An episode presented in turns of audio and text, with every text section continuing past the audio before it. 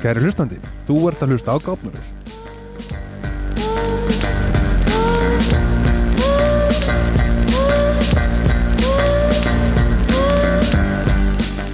Ég heitir Sveinbjörn og Gáfnarljós eru mikilvægt því að þetta er fólki sem við leitum til þegar við vitum ekki nóg og þurfum að fara lánaða dómgrið. Við skulum því muna að vera alltaf þakklátt fyrir Gáfnarljósun okkar því að þetta er það fólk sem við stólum á þegar allt er að leiðin í skrúuna. Til mínu komið eitt af mínum uppbólskapningusum en það er vinnu minn og fastegnarsali þann Karl Lúðvíksson. Ástæðin fyrir því er að við hjónin erum eiginlega alltaf að pæla í fastegnum þessa dagana þar sem að badn nr. 2 er rétt ókomið og lítið er orðið eftir að plási heima fyrir. Þá er Kalli alltaf hafðið með ráðum því að hann er alltaf með eira á teinunum og ráleikur okkur að fagamennsku og þekkingu á fastegnamarkarum sem að hvorust okkar hefur. Og þess vegna er hann komið til mín í dag til þess að tala við okkur um allt er við kemur fastegnaverði. Þessi þáttur er þó reyndar óöðbundin að ákveðnu leiti það er að ingangurinn sem maður ert að hlusta á núna er tekinu upp á eftir viðtælinu. Það gerist nú bara vegna þess að Kalli var komin cirka bát samstundis og ég baði hann um að koma þannig ég hafði ekki tíma til þess að skrifa ingang eða hérna taka hann upp og svo þurfti ég að brenna norður til húsvækur yfir áramótin þannig að ég hugsaði með mér að lítur að vera til stúdíu á Húsavík og ég hef nú sannlega rétt fyrir mig þar. Mestararnir hjá FSH, framhalskólunum á Húsavík, hann Haldur Jón, Narvi og, og Valgerður, þau bara eru nýbúin að setja upp sitt eigið hlafastúdíu og ég gekk bara beint að græunum og, og gæti tekið upp þetta rjóma fína intro hand ykkur. Þannig að ég þakka kellaði fyrir mig FSH, skulum ekki á leiðarann lengri að sinni og vindum okkur bara beint í djúbuleguna með honum kalla um fasteignarverð. Gjör þið svo vel.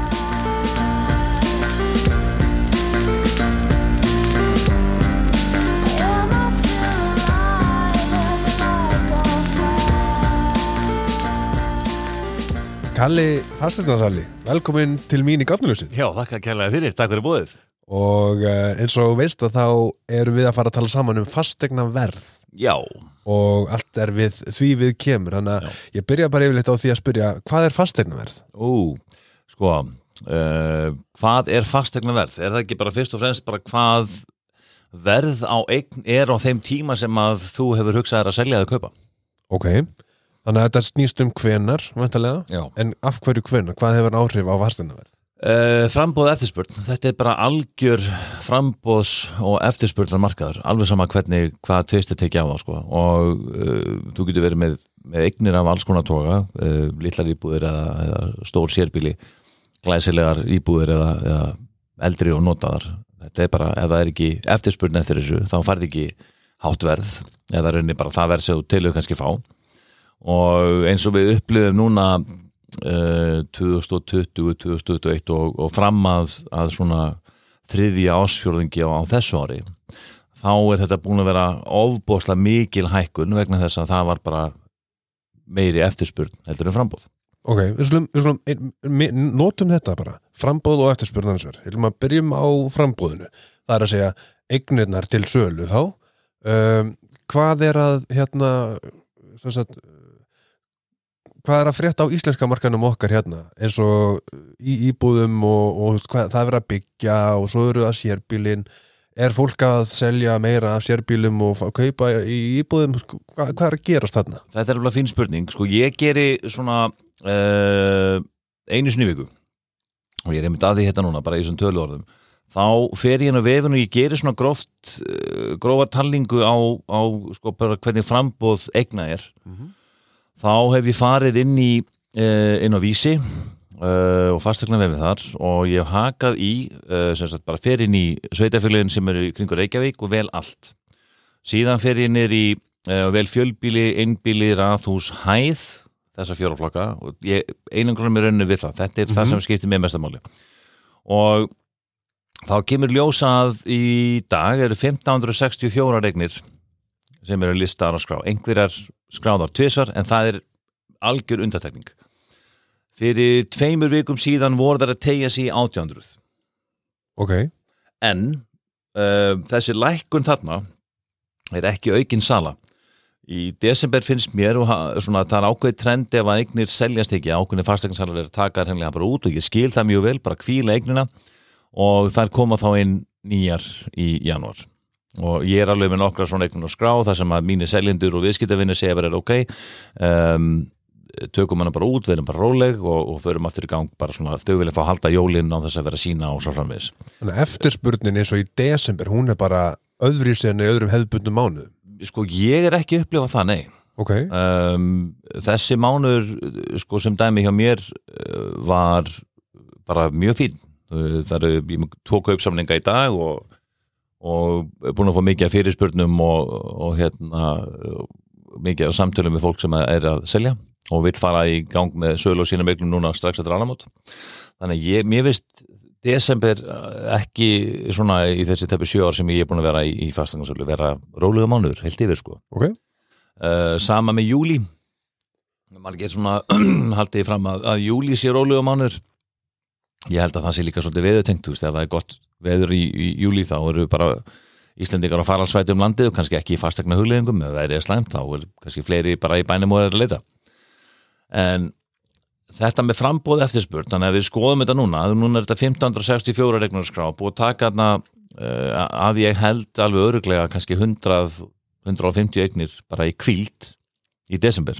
Ok, uh, skoðaðu þennan lista og við getum gert það aftur bara eins og sé, ég ger þetta bara fyrsta virka degi eftir áramót, þá sérðu ok, hvað breytist þetta úr 1564 upp í hvað, mm þá er þetta eignar kvíld, þá er þetta bara frambóðið á markanum. Uh, það sem hefur áhrif á verðið líka í dag er, er þessi vakstahækun sem er búin að eiga sér stað hjá, hjá böngunum og lífeyrissjónum og, og hérna Sælabankin alltaf svolítið stýrið því.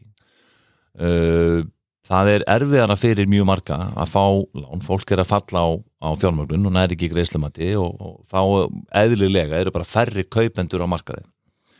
Þetta getur svona gert tvent, annars vegar þá bara e, verður salan minni og verðið stendur í stað eða þá að salan e, minkar og verðin fara svona síga niður samlega því. Og ég er aðeins farin að finna því í nokkrum hverfum, en það er samt ekki allstaðar sko.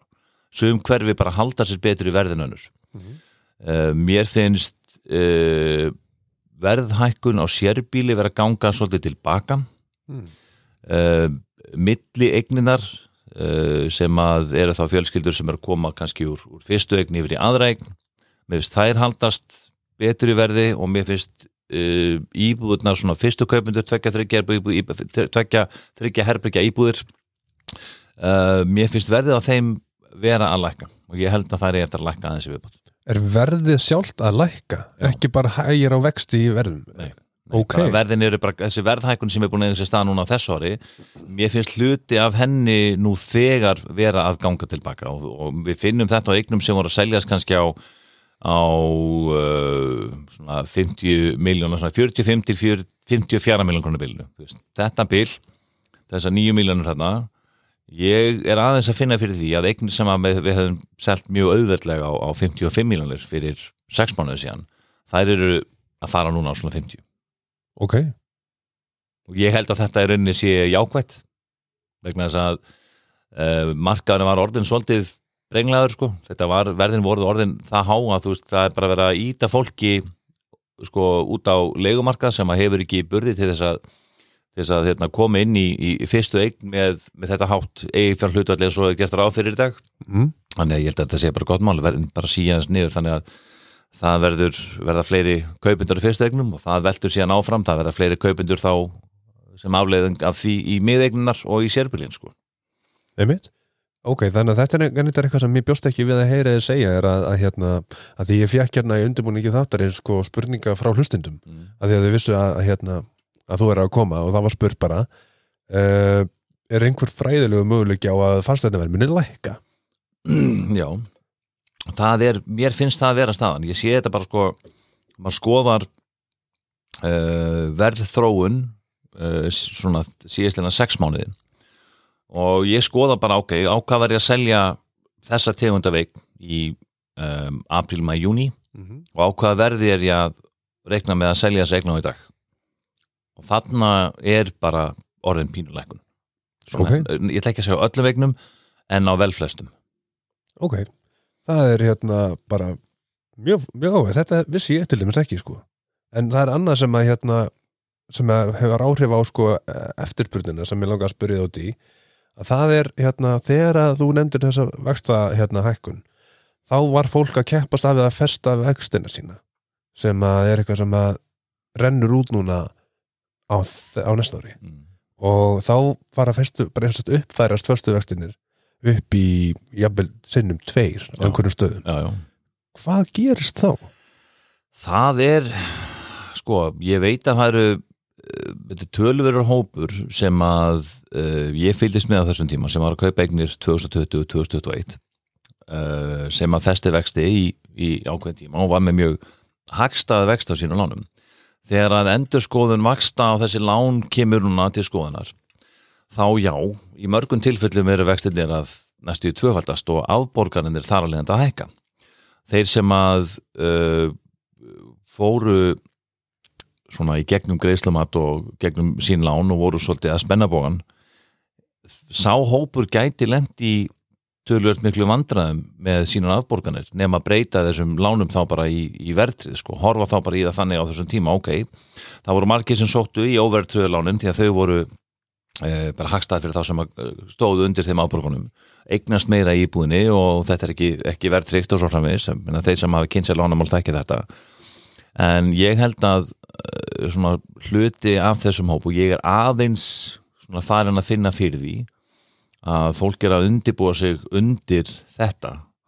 Uh, úrræði sem verður þá til bóða og þú þarft að skoða þetta bara sem fastegna eigandi og, og, og, og, sko, sá sem er með, með íbúðalan að ef að afborgun sem var 250.000 hjá þér þegar þú byrjar að, að hérna, borga niður lánið uh, sem þú tókst kannski fyrir tveimur án síðan uh, ef að það lán hækkar um 100 áskall svo afborgun og þú ert ekki með tekjur til að bakka það upp að þá það að gera eitthvað þá er fólk í dag farið að tala við uh, bankana og lífyrirsjóðana og fara í verðtriðulánin aftur með lægri greiðslubyrði en sem gerir það að verkum að, að hérna, þú ert þá með lán sem er, er verðtrygt og höfustólinn þá bara helst í hendur við, við vísutúlana slíkt sem er óhagstætt fyrir lánið en það er hagstæðara fyrir aðborganir fólk þarf að skoða svolítið vel uh, í þessum lánamálum og þú ert að endur fjármagna eins og flestir í dag, menn að fólk á að skoða þetta bara á fimm ára fresti. Uh, kanna uh, hvaða lánakjör er í bóði og endur fjármagna séu bara í samræmi við er tekið svo hefur. En segjum að þarna komið upp þessi staði sem vorst að lýsa að hérna, þú ræður ekki lengur úr greiðslubyrina og jáfnvel hefur ekki einn þá, þá þessi tök á þessari endurfjármönnun er, er, er það raunverulega möguleiki að fólk eru farið að þurfa að selja undan að sér Já. það sem þau keftu í góðri von? Já, það er bara, það er alveg staðrind bara fyrir, ég veit ekki að segja marga en, en það er alveg staðrind fyrir, fyrir suma, já, því miður sko, það er núna eru fastakingjöld að hækka í Reykjavík held ég bara um 18-20% eða eitthvað eh, því um lít sko eftir, hækka um 18% já, já, það er hækku núna á fastakingjöldum á, á, á velflestum stöðum í, í Hörburgarsæðinu og var greinum þetta vísi einmitt í dag. Uh, þetta er þetta kemur allt við butinu á fólki. Og uh, það er dýrar að lifa í dag heldur en fyrir teimur ára síðan. Veist, vöru, uh, vörur er að hækka þjónust er að hækka og svo framvegis. Og, og núna náttúrulega eru uh, er verið að loka og búið að loka einhverjum kjærasamningum en ná þær launahækkanir utanum þær hækkanir sem eru uh, á lánum næstu 6 mánuðina 12 mánuðina við það ekki. Það er málið. það er fólk þarf að skoða þetta og þegar ég er að reikna út þessi lánakjör sko reynir bara fyrir mínu viðskiptafinni þá verður maður að segja ok þú ert að taka lán og þú ert með þessa tekjur og þetta er það sem gerir ráð fyrir því að geta nota til að borga af láni, annað til að lifa og svo framvegis. Það sem þú ætlar að, að hérna, uh, nota til að greiða niður af lánuninu reiknaðu bara með 10% buffer. Það er bara þú þarft að gera það þú þarft bara að reikna með bara ok heru, það þarf að vera eitthvað svigrum hann á á milli bara fyrir, fyrir breytingar á lánakjörum og öðru sem að, sem að tengist bara fjármögnun og eigninni hér þannig að þú ert ekki með þetta og þá ertu bara komin í það, það stöðu að bara þú í mínus um hver mánaðamót sko. og það er ekki, það er ekki sjálfbært sko. Já, þetta er náttúrulega líka bara fjölskyldur eru líka bara alltaf að stækka og fólk sem að byrja að kaupa einnutmóndi og verður að fjölskyldu og eignast börn og þartu, það er, það er ekki í rauninni það er óumflýjanlegt að eftirspurnin hún er nánast sjálfvirk. Mun, þú munt alltaf þurfa að skipta um heimilegur komin á markað eða út að stækka svona að eðlunum til sko, en þá, þá við erum aðeins búin að snerta á, á eftirspurninni. Svo er það framböðið og allt saman í sammengi við verðið. Mér langaði til að spyrja það því að á sínum tíma þá innréttaði ég hérna eigin íbúð. Tók hana úr hérna upprunalega ástand og gerði hana að mínu. Og ég setti fullt af pening í sko framkvæmdir og gerði hana næs og svo seldi ég. Uh, eru þessar framkvæmdir sem fólk fer í sama hvort að telja eina eða tíu miljónir er það að fara að skila sér í verðið sem þú endar svo að selja á eða er það meina bara fermetrar og, og postnumir Uh, sko, þetta er, þetta er mjög fín pæling vegna þess að ég er spurður að þessu svolítið oft uh, á ég að fara í einhverjar framkvæmdir áður en ég sel þá er það spurning bara hvers eðlis eru framkvæmdirnar. Uh, það sem skiptir mestu máli er að skilin, húsið sjálft í hvaða ástandi er það? Og tökum bara sem dæmi uh, bara eins og íbúðuna þína Mhm. sem að hérna við seldum Já, já, einmitt. að, að þar skipti uh, mestu máli, sko, íbúðin lítur leitum rosalega vel út. En það sem að þú fyrst að skoða sem kaupandi er uh, hvernig er ástandið á húsinu sjálfu eru framkvæmdir framundan eða hafa verið framkvæmdir nýlega? Uh, hvers eðlis voru þar framkvæmdir og, og hvaða verktaki gerði þær? Eða þeim lokið og, og er máli bara klárað og búið? Uh, fá yfirlit yfir hvaða framkvæmdir hafa verið í húsfélaginu kannski síðastlegin 4, 5, 6 ár? Og þá eins hvað hefur verið gert af seljandi eignarinnar á sama tíma, þú veist, hvað hefur búið að gert? Þessu búin að skipta um parkett, innrætingar eh, fóstu í lagnir, rofa eða hvað sem er. Bara þeim er meiri upplýsingar svo þú hefur um hvað er búið að gera í húsinu sjálfu og í búðinni uh, þá getur maður sagt ok uh, þú ætlar að fara í einhver framkvæmt þú ert að kaupa einhver eign og þar taka hann þessi gegn. Hvað skiptir máli að laga áður hún selur? Ég myndi segja sko lagnir fyrst og fremst.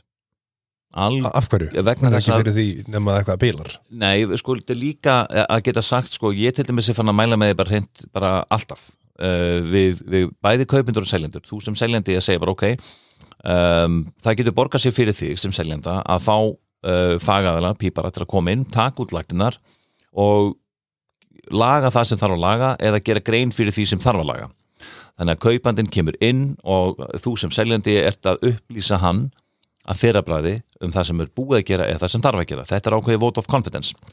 Síðan er það, uh, myndi ég segja, ok, hver er, uh, hvernig eru innýtingarnar? Uh, parkett, uh, þarf að skipta um rofa, þarf að skipta um ljós og svo framvegis. Mér finnst þetta allt vera dulleri sem að miðar bara svolítið að því hvernig smekkur hvers og eins er. Græður á að skipta um parkett íbúta og selur? Nei, ef að kaupandinn sem kemur inn líst vel í íbúðinu fyrir parkett er ljótt mm. sama með innendingarnar, sama með hurðar hurðarofa eða hvað sem er rafmarsrofa segi ég og hérna þetta er aðalega þú veist þú vilt komin í eign og vita bara ok hún er kannski svolítið slitinn og gömul og ekki kannski innendingar í tísku en það er í lægi með allt. Þannig að það sem maður myndi skora hæst í fyrir verðið væri þá að þú tekur lagnir og rafmagn og ytra byrði. Já, svona skveraði þetta allt saman já, allt hitt eins og þegar ég setti hérna sko ægilega fína innréttingu í eldhúsið og, og eitti sko, sko heilu dögunum ég að skera þessa borplötu til þannig að hann passaði akkurat inn í þetta mót það skilaði sér ekki í verði það, það það ekki endilega þú veist, Nei. ég hef alveg uh, mér er minnist að Dexi ég seldi í hérna í kvassaliti fyrir uh, hvað þessu þrjú ár síðan og þar var, var hérna ungu strákur smiður bara að taka íbúðin alveg í gegn og gera hann rosa flotta og það var haldið opið hús og það var með fín mæting en, en, en hérna nokkru sem mættu og ég var náttúrulega kannski ekki alveg, alveg sammálaðið en, en þetta var smekksadri þeim fannst þar, þær breytingar sem hann gerði ekki fallegar mm. og hættu þar af leiðandi við að kaupa. Uh, þess, þessi, þessi sömaðalar einnaði menda með því að kaupa aðra eignar mér uh, og það var íbúð sem átti þetta að gera allt fyrir. Þannig að hann var meira til í ok að fara inn að, fá aðeins sko ódýrari eign eiga þá smá pening til að gera hann eins og hann vildi en var verðmundurinn sá að það var ekki búið að, að gera það næst Já, það, þarna munaði fjóra miljónum á þessum tveimur eignum sko. Þó að fjárfestingin í, í eignunni sem að búa að taka gegn hef ekki verið upp á fjóra miljónir Það var kaupandinn sem að vildi ekki Nei. þessar fjórumilinu Nei, hann vildi frekar segja, ok, ég ætla frekar að bjóða í ódýraregnuna og þú veist, þá er þessi mismunur, þessar fjóra miljonir, Mm. get ég farið og valið parketti sem ég vill og hurðar sem ég vill og svo framvegis, sko. Þannig að þú þykist vita hvað allir vilja og gjörðu svo vel og innrætta íbúðina með þeim formurkjum ætlar að selja þetta virði en þú ert í rauninni að þrengja mögulegan kaupandahópnin ef að þú ert að hugsa þegar ég sel þá fæ ég þetta tilbaka E, sko, það sem gerist er að þú selur kannski hraðar og þetta fer svo eftir bara hvernig breytingar þar eru. Ef þú, ef þú hérna, ferði einhverja leið að láta innrita og, og taka íbúði gegn, veist, það er, er ekkert vitlaust að tala við, við innanarsannuð. Fá bara smá ráðgengar á því bara, ok, hvað er, hvað er trendið í dag, ekki hvað þér finnst flott, ef þú ætlar að selja íbúðina, heldur hvað er trendið almennt, þú veist, ef þú ferðin á vefinn skoðar íbúður sem eru sölu, þær sem er að seljast hratt og á góðu verði uh, ef það eru sambarlegar stærð og staðsetningu og, og eignin sem að þú ert að spója afsakið, mm -hmm. eignin sem að þú ert að spója að selja uh, það, það er ekkit vittlust að tala við fagaðilega einhvern hönnuð sem að segja við ok, herðu málaði þennan vekk kannski svona litinn og verður með svona parkett eða eitthvað, eitthvað sem að kannski er ekki þinn smekkur. En þetta er trendið sem að gera það verkum að það eru fleiri sem kom inn og fyrsta fallegt sko. Ok, herru, þá er það svona að því að nú fer að stýttast í annan endan hjá okkur. Það sem ég vildi samt líka ræða við þig er þegar að kaupandi og seljandi eru að lenda á verði sem eru sammála um og samþykja hvað hérna segjum bara nú er framöndan að ég er að fara að kaupa. Það er alveg vitamál, bara tökum mig sem dæmi. Og ég er búin að finna eign og það er allt einhvern veginn eins og ég vil hafa það en ég er að reyna að halda upp einhverju svona pókanalliti svo að hérna ég geti í rauninni notað, þú veist, er ytri byrðilægi og allt þetta, öllar allar rauksundafæsluna til þess að semja um verð. Hvað eiga kottum með tips and tricks? Veist, hvað á að hafa í huga, hvernig getum við passað að fara ekki að bjóða of, of mikið eða bjóða, eða bjóða of lágt og þú veist, hvað skiptir málega Fórsetundan þarna er það svo ólíka sko. ég hef sagt við fólk sem er að, er að mæta í opin hús og ef að mætingin er rosalega góð það segir okkur að það eru bara fleiri til í að kaupa þessa eign á því verði sem hún var auglýst þá fara þessar íbúðir alltaf á yfirverði veist, en yfirverð þýðir ekkit annað heldur en bara eignin var undir verðlög umfram veist. um, ef að þú ert að fara að keppa við einhverja fjóra, fimm, sex í tilbúðum þá er mitt ráðil alltaf þetta uh, gerðu eins gott tilbúð strax og þú getur sem að uh, þér líður vel með að gera ef þú færð eignuna eða færð hana ekki ok, þannig að þú ert í rauninni ekkert að fara að keppa þú ert ekkert að fara að taka mörg tilbúð þú ert bara að bjóða það þitt besta verð strax Já. en hvað er besta verð? Uh, það er bara hvað hún ræði við. En viltu samt ekki bjóða minna fyrst? en ef það eru sex tilbúð á borðinu Já, það þú ert með lagsta tilbúðið það má bara svara einu maðal í einu.